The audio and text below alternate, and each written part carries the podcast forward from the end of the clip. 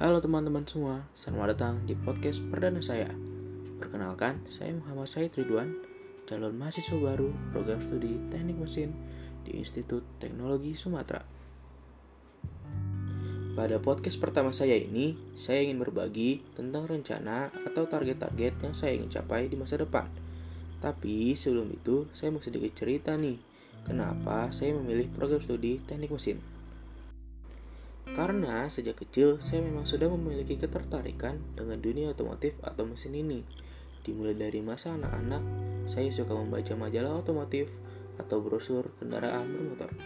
Lalu beranjak remaja, saya mulai mencoba mencari tahu, mempelajari, dan memahami cara kerja dan pembuatan kendaraan bermotor. Oleh sebab itu, rencana atau target yang saya ingin capai beberapa berhubungan dengan dunia otomotif. Dimulai dengan target yang paling dekat, yaitu saya dapat mengikuti acara PPLK ITERA 2021 dengan lancar. Dan untuk target berikutnya, dapat mengikuti aktivitas perkuliahan dengan sebaik-baiknya, juga aktif dalam lingkungan perkuliahan maupun lingkungan masyarakat. Dan tentunya lulus tepat waktu dengan nilai memuaskan.